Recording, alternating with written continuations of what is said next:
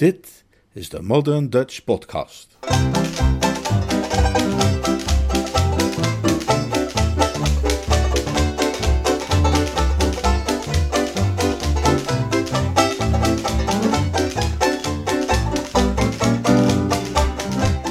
Jeeves en de Liefde. Een roman van P.G. Woodhouse, The Mating Season, vertaald en voorgelezen door Leonard Beuger.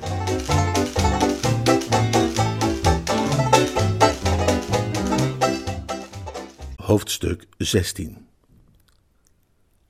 De kamer waarin ik mij bevond was licht en luchtig en verschilde in dat opzicht fundamenteel van stemming met Bertram Woester.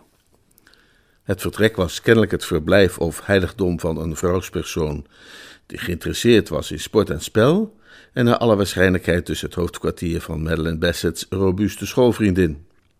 Er hing een roeiriem boven de schoorsteen, een squash racket boven de boekenplank en aan de muur hingen talloze foto's die ik zelfs met de meest vluchtige blik kon identificeren als plaatjes van tennis- en hockeyteams.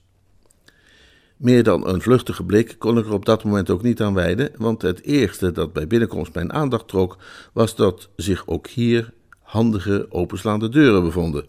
En daar dook ik op af als een man die op een wandeltocht is en een dorpskroeg ontdekt om twee minuten voor sluitingstijd. De deuren kwamen zo te zien uit op een wat lager gelegen deel van de tuin en boden dus een geweldige ontsnappingsroute voor iemand wiens belangrijkste levensdoel het is om zich verre te verwijderen van deze weelderige woning te Wimbledon, om die van zijn levensdagen niet meer te hoeven zien. Ik zei dat die openslaande deuren een geweldige ontsnappingsroute boden, maar het was eigenlijk correcter geweest te zeggen dat ze dat gedaan zouden hebben, wanneer er niet precies voor die openslaande deuren een compact, doch stevig gebouwde tuinman ontspannen op zijn schop had staan leunen, gekleed in een pilobroek en een geel met rode pet, die vermoedelijk ten onrechte suggereerde dat hij lid was van de Marylebone Cricket Club. Verder nam men aan hem waar een bruin overhemd, zwarte schoenen, grijze bakkenbaarden en kersenrode wangen. Ik kon dit kleurenschema zo gedetailleerd voor u noteren, daar ik in de gelegenheid was deze eerlijke landman geruime tijd zorgvuldig te bestuderen. En hoe zorgvuldiger ik hem bestudeerde, hoe minder ik hem kon waarderen. Precies zoals het sigarettenrokende kamermeisje van de Lorke mij weinig sympathie had ingeboezemd, zo wilde ook de leunende tuinman mij niet erg bevallen. Ik had sterk het gevoel dat hij behoefte had aan een stevige lading dynamiet onder zijn geribbelde zitvlak. Uiteindelijk kon ik zijn aanblik niet langer verdragen, draaide ik me om en begon ik door de kamer te ijsberen als een gekooid dier. Met het verschil dat gekooide dieren niet, zoals ik, voortdurend hoeven uit te kijken voor kleine tafeltjes met daarop een zilveren prijsbeker, een golfbal in een glazen kistje en een grote ingelijste foto. Het was uitsluitend te danken aan een knap staaltje van vingervlugheid en sang-froid dat ik erin slaagde de ingelijste foto nog juist op te vangen toen hij viel, waardoor ik wist te voorkomen dat de bewoners van het pand en bloc op het lawaai zouden afkomen om zich op de plaats des onheils te verzamelen. Nu ik het ding in handen had, zag ik trouwens dat het een treffende afbeelding was van Madeleine Bassett. Het was een fraaie kabinetfoto. Haar portret staarde mij op realistische wijze aan met grote, droevige, schotelvormige ogen en haar lippen leken te trillen in smekend verwijt.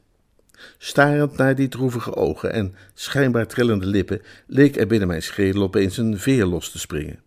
Ik kreeg een inspiratie.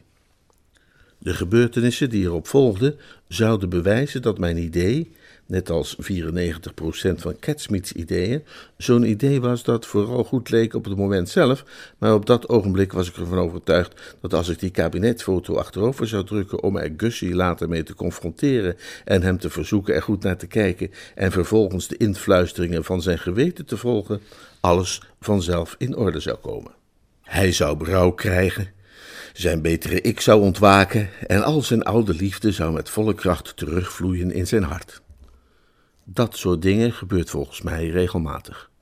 Inbrekers die toevallig een foto van hun moeder te zien krijgen, leveren doorgaans meteen hun gereedschappen in en besluiten een heel ander leven te gaan leiden. En hetzelfde zie je gebeuren bij struikrovers, oplichters en luid die de hondenbelasting niet betaald hebben. Ik had geen reden om aan te nemen dat dit bij Gussie anders zou functioneren. Het was op dat moment dat ik het geluid hoorde van een stofzuiger die de gang op werd gesleurd en besefte dat het kamermeisje op weg was om de kamer te komen doen. Als er situaties zijn die je nog sterker het gevoel kunnen geven in het nauw gedreven wild te zijn, dan je in een kamer te bevinden waar je niet mag wezen, terwijl je het kamermeisje hoort aankomen om de kamer te doen, dan weet ik niet welke situaties dat zouden moeten zijn. Als u Bertram Woester op dat moment beschreven zou hebben als compleet over de rooien, dan zou u er niet ver naast gezeten hebben. Ik rende naar de openslaande deuren. De tuinman stond er nog steeds. Ik rende terug en gooide bijna opnieuw het tafeltje omver. Ten slotte, na enig snel denkwerk, rende ik naar de zijkant van de kamer. Daar in de hoek had ik een royaal uitgevoerde sofa zien staan en een betere schuilplaats had ik me niet kunnen wensen. Met misschien nog twee seconden te gaan, lag ik daarachter. Dat ik nu weer vrijelijk kon ademhalen, zou wellicht wat al te sterk zijn uitgedrukt. Ik voelde mij nog altijd weinig op mijn gemak. Anderzijds meende ik toch dat ik mij in dit schuilhoekje redelijk veilig kon voelen. Een van de dingen die een mens leert wanneer hij wat meer van de wereld gezien heeft, is dat kamermeisjes niet stofzuigen achter sofa's en canapés. Als ze de stofzuiger wat hebben heen en weer gehaald over de vrijliggende gedeelte van de vloerbedekking, beschouwen zij hun taak als volbracht en trekken zij zich terug in de keuken voor een kopje thee en een boterham met jam. In het onderhavige geval kregen zelfs de vrijliggende gedeelte van de vloerbedekking geen beurt, want nauwelijks had het kind het apparaat ingeschakeld, of zij werd op non-actief gesteld door het bevel van hogerhand. Goedemorgen, Jane, zei een stem. Daar deze werd begeleid door een ielgeblaf, zoals dat alleen maar kon worden geproduceerd door een witwollig hondje, concludeerde ik dat het de stem moest zijn van de robuuste schoolvriendin. Laat de kamer op dit moment maar even zitten. Goed, vrouw, zei het kamermeisje, voor wie dit kennelijk een welkom idee was, en zij vertrok schielijk, ongetwijfeld om een tweede sigaretje te kunnen roken in de bijkeuken. Er volgde enig geritsel van papier, terwijl het robuuste meisje op de sofa gezeten de ochtendkrant doornam. Daarna hoorde ik haar Oh, hallo Madeline zeggen, en het was duidelijk dat ook zij van Bassett nu in ons midden was. Goedemorgen, Hilda, zei La Bassett op die lijzige, zijige toon die haar zo impopulair had gemaakt bij alle weldenkende mannen. Wat een verrukkelijke ochtend! Het robuuste meisje zei dat ze er niets bijzonder verrukkelijks aan vond en voegde eraan toe dat zij persoonlijk alle ochtenden eigenlijk nogal onaangenaam vond. Ze klonk chagrijnig en ik begreep dat haar teleurstelling in de liefde haar nogal had verbitterd, het arme kind. Ik had medelijden met haar verdriet en onder andere omstandigheden was ik wellicht opgestaan en had haar een troostend schouderklopje gegeven. Ik heb bloemen geplukt, ging La Bassett verder, prachtige, lachende bloemen, nog helemaal vochtig van de ochtenddauw. Oh, wat zien bloemen er toch altijd gelukkig uit, hè, Hilda? Het robuuste meisje zei waarom ook niet, want waar hebben die zich nou zorgen over te maken? En daarna bleef het een poosje stil. Het robuuste meisje zei verder nog iets over de vooruitzichten van de Surrey Cricket Club, maar kreeg geen antwoord en een ogenblik later werd het duidelijk dat Madeline Bassett's gedachten heel ergens anders waren. Ik was daarnet in de ontbijtkamer, zei ze, en er was een trilling in haar stem te beluisteren. En er was nog steeds geen brief van Gussie. Ik maak me toch zo'n zorgen, Hilda. Ik denk dat ik nog maar een trein eerder zal nemen naar Daverill. Nou, dat moet je zelf weten. Ik kan er niets aan doen, maar ik heb al maar het akelig gevoel dat hij heel ernstig gewond is. Hij schreef wel dat hij alleen maar zijn pols had gekneusd, maar is dat ook zo? Dat vraag ik mij ernstig af. Stel je voor dat het paard hem ondersteboven heeft gelopen en, en op hem heeft getrapt. Nou, dan zou hij dat wel geschreven hebben. Nee hoor, dat is nu juist wat ik bedoel. Gussie is zo altruïstisch en zo attent. Zijn allereerste gedachte zou zijn om mij alle leed te besparen. Oh, Hilda, denk je niet dat hij wellicht zijn rug heeft gebroken? Wat een onzin. Zijn rug gebroken, kom op zeg. Als er geen brief ligt, dan is het alleen omdat die andere kerel, hoe heet die, die woester, ervan baalt om de secretaris te moeten uithangen. Kan ik hem ook niet helemaal kwalijk nemen? Hij is immers zelf verkikkeld op jou, ja toch? Ja, hij bemint mij heel, heel teder. Het is een echte tragedie. Ik kan het je eenvoudig niet beschrijven, Hilda. Wat een diep droevige blik van onuitgesproken leed in zijn ogen ligt, die zeldzame keren dat wij elkaar ontmoeten. Nou ja, dan is het toch wel duidelijk. Hm? Als je verkikkerd bent op een meisje en een andere kerel heeft haar weten te versieren, dan is het natuurlijk niet erg leuk om achter een bureau te gaan moeten zitten, waarschijnlijk met een waardeloze pen ook nog, en op te moeten schrijven wat die andere kerel jou dicteert. Van, oh, komma, mijn allerliefste schatje, komma, ik hou van jou, punt. Ik ben toch zo dol op jou, punt. Ik wilde, komma, allerliefste, komma, dat ik jou in mijn armen had en jouw lieve gezichtje kon overdekken met gloeiende kussen, uitroepteken. Geen wonder dat die woester er de brui heeft gegeven. Hilda, wat ben jij toch harteloos soms? Nou, ik heb al dus reden genoeg om harteloos te zijn. Soms denk ik dat het maar het beste zou zijn om er een eind aan te maken. In dat laadje daar heb ik een revolver liggen. Hilda! Ach, waarschijnlijk ga ik het niet doen. Het is nog op glazer en gedoe. Heb je trouwens de krant gezien vanmorgen? Er is weer sprake van dat ze de regels bij cricket gaan veranderen. Het is raar hoe je interesses veranderen door een gebroken hart. Ik weet nog goed hoe druk ik mij daarover maakte in het verleden wanneer ze de spelregels weer wilden veranderen. Maar nu kan het geen donder beschelen. Laat ze die regel lekker veranderen. Ik hoop dat ze er mooi weer bij hebben. Wat is die woester eigenlijk voor een kerel? Oh, hij is een schatje. Ja, dat moet wel als hij bereid is om Gussie's liefdesbrieven voor hem te schrijven. Dan is hij ofwel ontzettend aardig, ofwel een ontzettende slapjanus. Als ik jou was, dan kon die hele Gussie van mij de boom in. En dan nam ik die woester. Het is een man, dus het is natuurlijk een flaptol, zoals alle mannen, maar hij is rijk. En geld, dat is uiteindelijk waar het om gaat. Uit de manier waarop Madeline's uitroep: Oh, Hilda, lieveling, met een wereld van verwijt in haar stem bedoel ik en dat soort dingen, kon ik opmaken dat die cynische woorden haar sterk getroffen hadden, haar geschokt hadden, haar innerlijk hadden verwond. En ik moet zeggen dat ik mij bij die houding volledig aansloot. Het robuuste meisje en haar hele wereldbeeld waren mij bijzonder onsympathiek. En ik wou dat ze dat soort dingen voor zich hield. De hele situatie was al somber genoeg zonder dat oude schoolvriendinnen Madeline Bassett begonnen aan te moedigen Gussie de bols te geven en het met mij aan te leggen. Ik denk dat Madeline hier eigenlijk wel iets scherps en bestraffends op had willen antwoorden, maar in plaats van te spreken uitte ze plotseling een kreet of woordloze uitroep. En het robuuste meisje zei: Ja, wat nu weer? Mijn foto? Wat is daarmee? Waar is die gebleven? Op het tafeltje. Niet waar, hij is weg. Nou, dan zal Jane hem wel kapot hebben laten vallen. Ze laat altijd alles kapot vallen dat niet van plaatstaal is gemaakt. En ik zou niet weten waarom ze een uitzondering zou maken op een foto van jou. Je kunt het haar maar beter even gaan vragen. Dat zal ik doen, zei Madeline en ik hoorde haar snel de kamer uitlopen.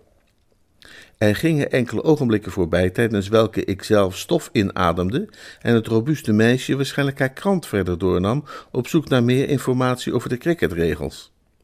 Zit stil, hoorde ik haar na een tijdje zeggen, ongetwijfeld tegen het witte wollige hondje, want kort daarna zei ze: Nou, hoe goed dan? Schiet dan maar op als je er zo nodig af wilt. En er klonk een dof plofje, het soort plofje dat een wit wollig hondje maakt als het op het tapijt terechtkomt nadat het van een middelhoge sofa is afgesprongen. Vrijwel direct daarna vernam ik een snuivend geluid in mijn directe nabijheid en met een aanzienlijk moreel verlagend effect besefte ik dat het dier op een of andere manier de typerende woestergeur moest hebben opgesnoven en nu bezig was de bron daarvan op te sporen. Dat bleek correct. Rondkijkend ontdekte ik plotseling op nog geen tien centimeter van de mijne de kop van het hondje met een ongelovige blik in de ogen. Met een geschrokken oeps trok het dier zich terug naar het midden van de kamer en begon te blaffen.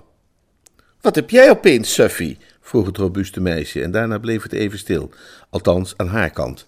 Het witte, wollige hondje bleef de stembanden heftig aanspannen. Madeline Bassett kwam weer binnen. Nou, Jane zegt, begon ze. Ze onderbrak haar zin echter met een doordringende kreet. Hilda! Maar Hilda, wat ben je in hemelsnaam van plan met dat pistool? Het robuuste meisje wist Madeline's angst te bezweren, maar liet de mijne volledig in statu quo. Ja, schrik maar niet, ik ga heus niet mezelf doodschieten, hoewel dat eigenlijk best een goed idee zou zijn. Maar er zit een man achter de sofa. Hilda! Ik vroeg me al een tijdje af waar dat eigenaardige snuivende geluid vandaan kwam. Maar toen kreeg Percy hem in de gaten. Goed gedaan, Percy. Brave hond. En kom je nu maar eens tevoorschijn, mannetje.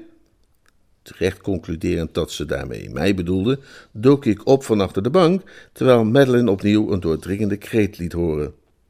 Nou, chique boef, hoewel een beetje stoffig, zei het robuuste meisje, dat mij onderzoekend waarnam van achter het geschut dat zij op haar vestje gericht hield. Waarschijnlijk zo'n gentleman inbreker waar je wel eens over leest. Hallo? Ik zie dat hij die foto te pakken heeft waar jij op zoek naar was. En waarschijnlijk nog wel wat andere dingen. We kunnen maar het beste eerst eens even zijn zakken leeghalen, lijkt me. Ik rilde bij de gedachte dat Gussie's brief zich in een van die zakken bevond en slaakte een gedempte kreet.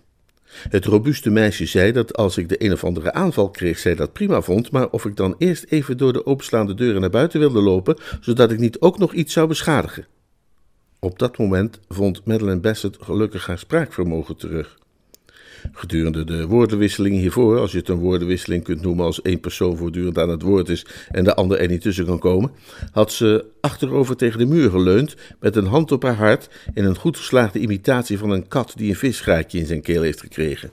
Maar zij gaf nu dan toch haar eerste bijdrage aan de dialoog. Bertie, riep ze uit. Het robuuste meisje keek haar verbaasd aan. Bertie? Dit is Bertie Woester. De brave brievenschrijver, wat doet die nu opeens hier? En waarom heeft hij jouw foto gepikt? Madeline fluisterde met trillende stem. Ik denk dat ik dat wel weet. Nou, dan ben je een stuk slimmer dan ik.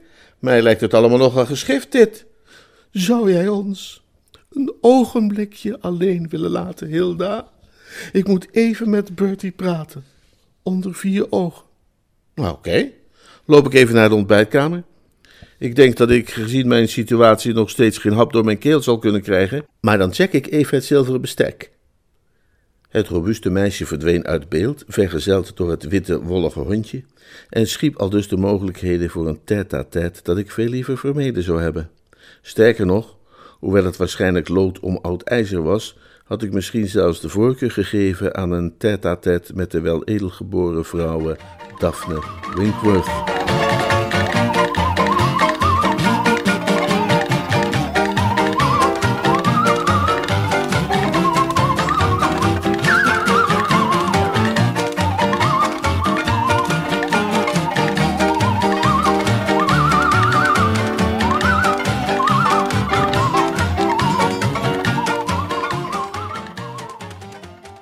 Hoofdstuk 17 De scène begon met een van die lange taaie stiltes die zo'n beetje aanvoelden als wanneer ze je hebben weten te strikken voor de rol van Bulstrode, een butler, in een amateurvoorstelling en je op de avond van de uitvoering tot de ontdekking komt dat je je tekst volledig kwijt bent. Ze stond me aan te staren alsof ik een fotograaf was in zijn studio, die wachtte op het juiste moment om dat ideale portret te schieten in sepia en zilvergrijs. En na een tijdje leek het me toch echt wel tijd te worden dat een van ons tweeën iets zou gaan zeggen. Het valt niet mee om in dat soort omstandigheden de conversatie op gang te krijgen. Uh, lekker weertje, zei ik. Ik dacht, ik uh, ga maar eens even langs. Ze opende haar ogen nog wat verder, maar gaf geen geluid zodat ik maar doorging. Het, uh, het, het, leek mij dat jij misschien wel het laatste nieuws zou willen horen over Gussie, dus ik, ik heb maar de, de melktrein genomen. Ik kan je gelukkig vertellen dat Gussie uitstekend opknapt. Zijn pols is nog wel wat stijf, maar de zwelling neemt duidelijk af en hij heeft geen pijn. Hij stuurt je zijn groeten. Ze bleef sotto en zo stil als het graf, dus ik hield nog even vol. Ik dacht dat een enkel woord over mijn recente activiteiten wellicht op zijn plaats zou kunnen zijn. Ik bedoel, je kunt niet zomaar van achter het meubilair komen opduiken en daar dan verder niets over zeggen. Je zult toch iets van uitleg moeten geven en je motieven moeten duidelijk maken. Meisjes willen dat soort dingen graag horen. Ja, jij, uh, jij vraagt je misschien af, zei ik, wat ik achter die sofa uitvoerde. Tja, dat, dat was gewoon zo'n plotselinge inval, hè? Je kent die plotselinge invallen wel. En misschien vind je het ook een beetje gek dat ik rondloop met zo'n kabinetfoto van jou onder mijn arm. Maar, maar, maar, maar dat zou ik uitleggen. Ik zag dat ding toevallig staan op dat tafeltje daar. En toen heb ik hem meegenomen om aan, aan, aan Kussie te geven. Ik dacht dat hij die wel zou willen hebben, hè? Om, om een beetje op te vrolijken in jouw afwezigheid. Hij mist je deerlijk natuurlijk. En, en, en het schoot me te binnen dat het leuk voor hem zou zijn om die foto op zijn nachtkastje te kunnen zetten en er dan af en toe naar te kijken. Ja, hij heeft vast al een heleboel andere prachtige foto's van jou, maar, maar daar kan de mensen natuurlijk eigenlijk nooit genoeg van hebben. niet gek, leek me, gezien het feit dat er geen serieuze voorbereiding mogelijk was geweest. En ik hoopte dan ook op een brede glimlach en een gul. Goh, ja, natuurlijk, wat een goed idee. In plaats daarvan schudde zij haar hoofd op een trage, treurige manier heen en weer en verscheen er een traan in haar ooghoek. Oh, Bertie, zei ze. Ik heb het altijd al moeilijk gevonden om een adequate reactie te formuleren wanneer mensen oh Bertie tegen me zeggen. Mijn tante Agatha doet dat steeds en iedere keer weer sta ik dan met mijn mond vol tanden. Ook nu stond ik met mijn mond vol tanden. Wel is waar dat het O Bertie van deze Bassett in veel opzichten van een ander kaliber was dan het O Bertie van tante Agatha, daar het meer lijzig geïntoneerd was dan bestraffend, maar het effect was hetzelfde. Volstrekte dentale abundantie. O Bertie, herhaalde ze nog eens. Lees jij wel eens de romans van Rosie M. Banks? vroeg ze. Deze verandering van onderwerp verbaasde me nogal, maar ik was er eigenlijk wel blij mee. Een praatje over eigentijdse literatuur zou, dacht ik, de spanning wat kunnen breken. Zo'n boekenpraatje kan heel ontspannend zijn. Nee, niet regelmatig, ik, maar ik, ik, ik hoor van Bingo dat ze verkopen als warme broodjes.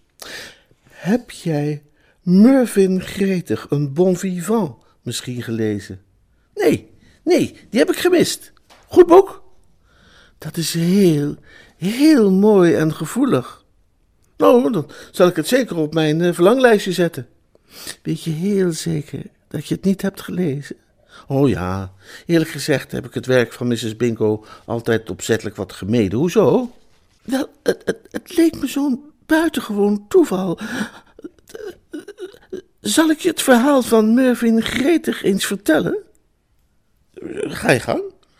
Ze nam even de tijd om een paar keer flink te slikken.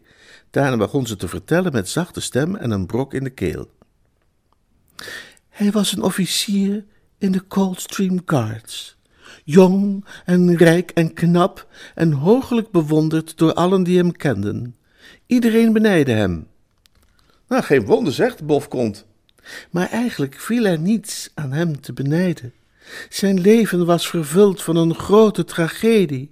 Hij beminde Cynthia Gray, het mooiste meisje in heel Londen. Maar juist toen hij haar zijn liefde wilde verklaren, ontdekte hij dat zij verloofd was met Sir Hector Maleverer, de ontdekkingsreiziger. Ja, dat zijn er bloedlinke gasten, die ontdekkingsreizigers. Die kun je maar beter haarschep in de gaten houden. Onder die omstandigheden heeft hij zijn liefde natuurlijk toch maar niet verklaard, neem ik aan. Stilletjes voor zich gehouden bedoel ik, of niet? Inderdaad, geen woord van liefde kwam er over zijn lippen, maar hij bleef haar onvoorwaardelijk liefhebben. Uiterlijk was hij vrolijk en opgewekt, maar innerlijk werd hij gekweld door een onophoudelijke pijn. En toen kwam op zekere avond haar broer Lionel hem opzoeken.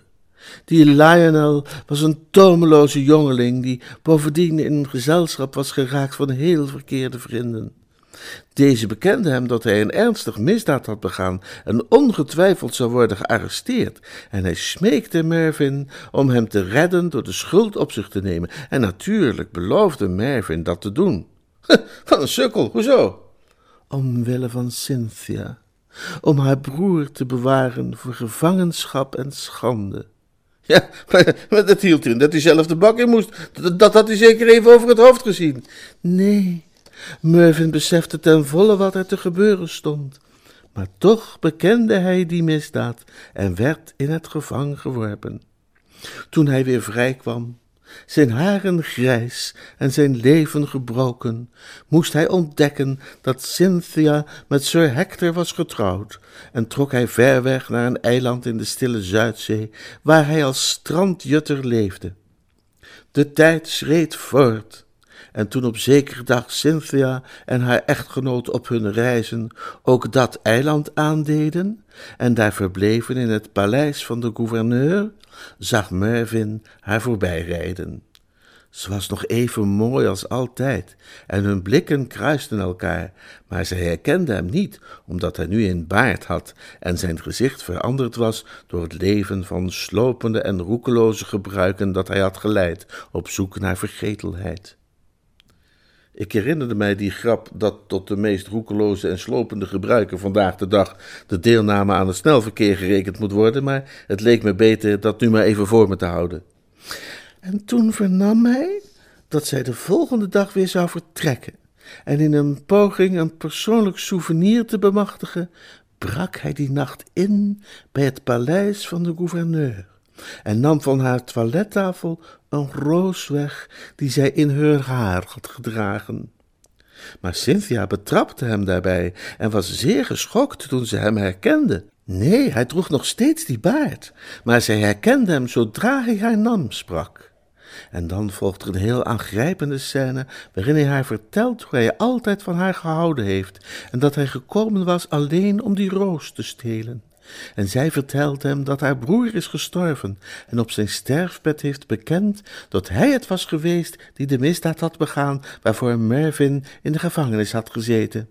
En dan komt plotseling Sir Hector binnen. Oeh, mooie dramatische scène. Heel sterk.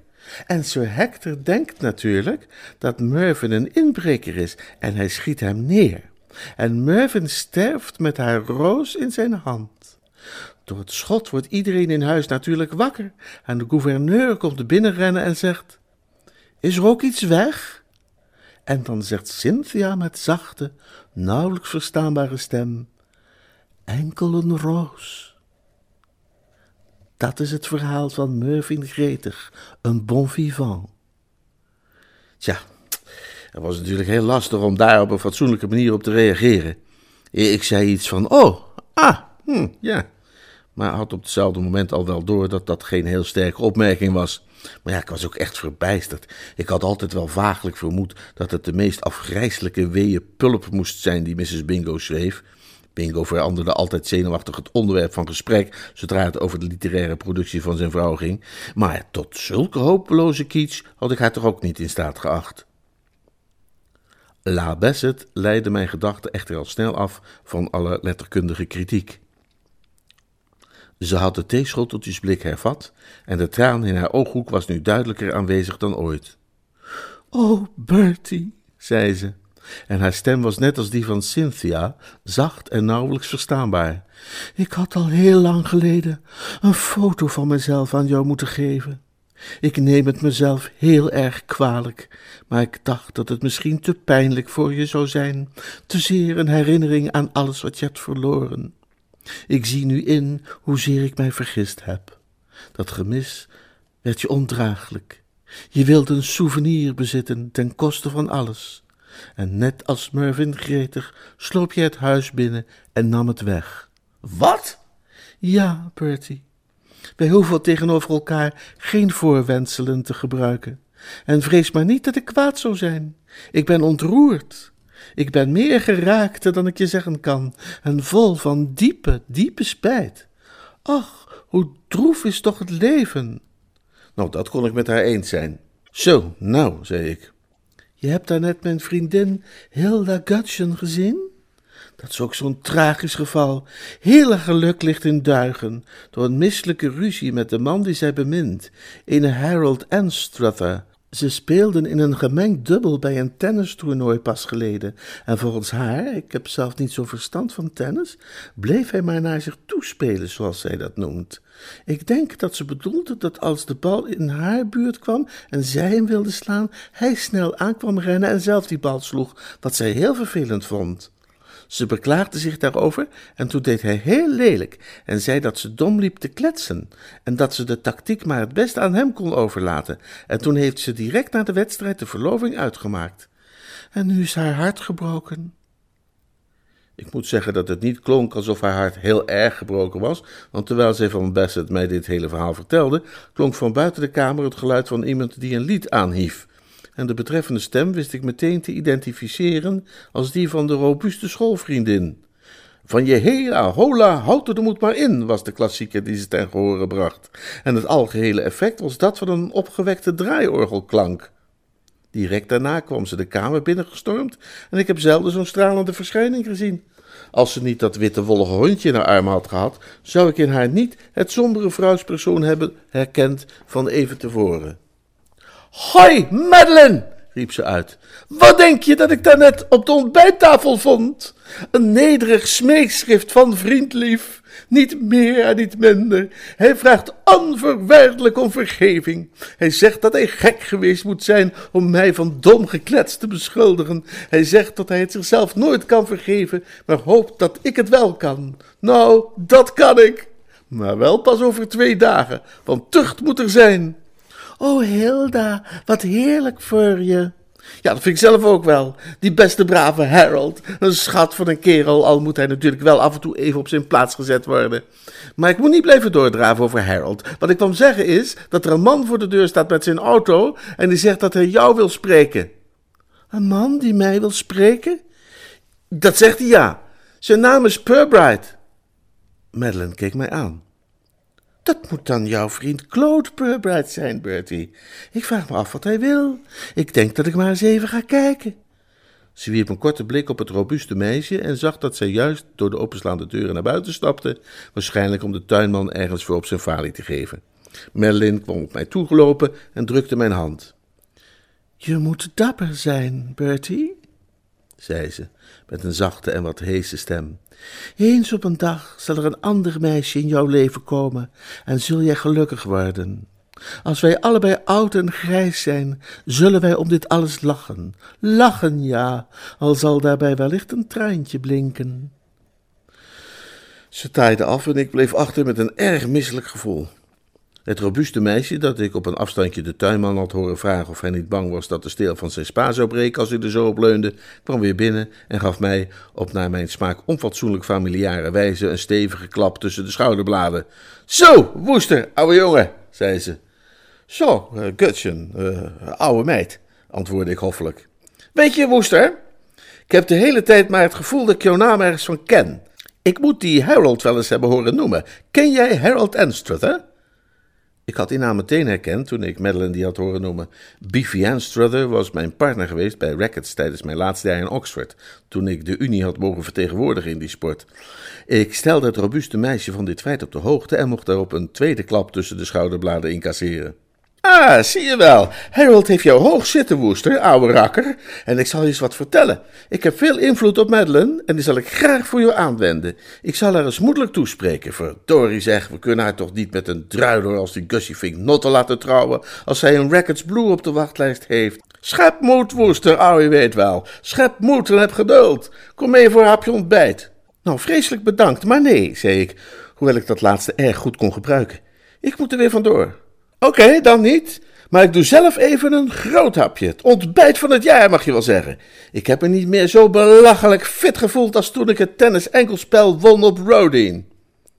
Ik zette hem al schrap voor een nieuwe dreun op de rug, maar met een snelle beleidswisseling porde ze me stevig in de ribben en beroofde mij zo van het laatste beetje adem dat haar gruwelijke woorden mij hadden overgelaten. Bij de gedachte aan wat het resultaat zou kunnen zijn wanneer een meisje met een dominerende persoonlijkheid als zij Madeleine Bassett moedelijk ging toespreken, liep het mij koud over de rug. Het was met wat ze noemen lood in de schoenen dat ik door de openslaande deuren naar buiten liep en eindelijk de openbare weg wist te bereiken. Ik hoopte Catsmeet te kunnen opvangen wanneer hij de oprijlaan uit kwam rijden, om te weten te komen wat zijn gesprek hem binnen had opgeleverd. Maar nee hoor, toen hij de oprijlaan uitkwam gescheurd, was het met zo'n duizelingwekkende haast dat ik geen kans zag zijn aandacht te trekken. Hij was zo rap over de horizon verdwenen alsof hij aan een wedstrijd meedeelt op Brooklands en ik had het nakijken. In een sombere stemming, gekweld door duistere voorgevoelens, gingen we op zoek naar iets om te ontbijten en daarna de trein terug te nemen naar King's Deverill.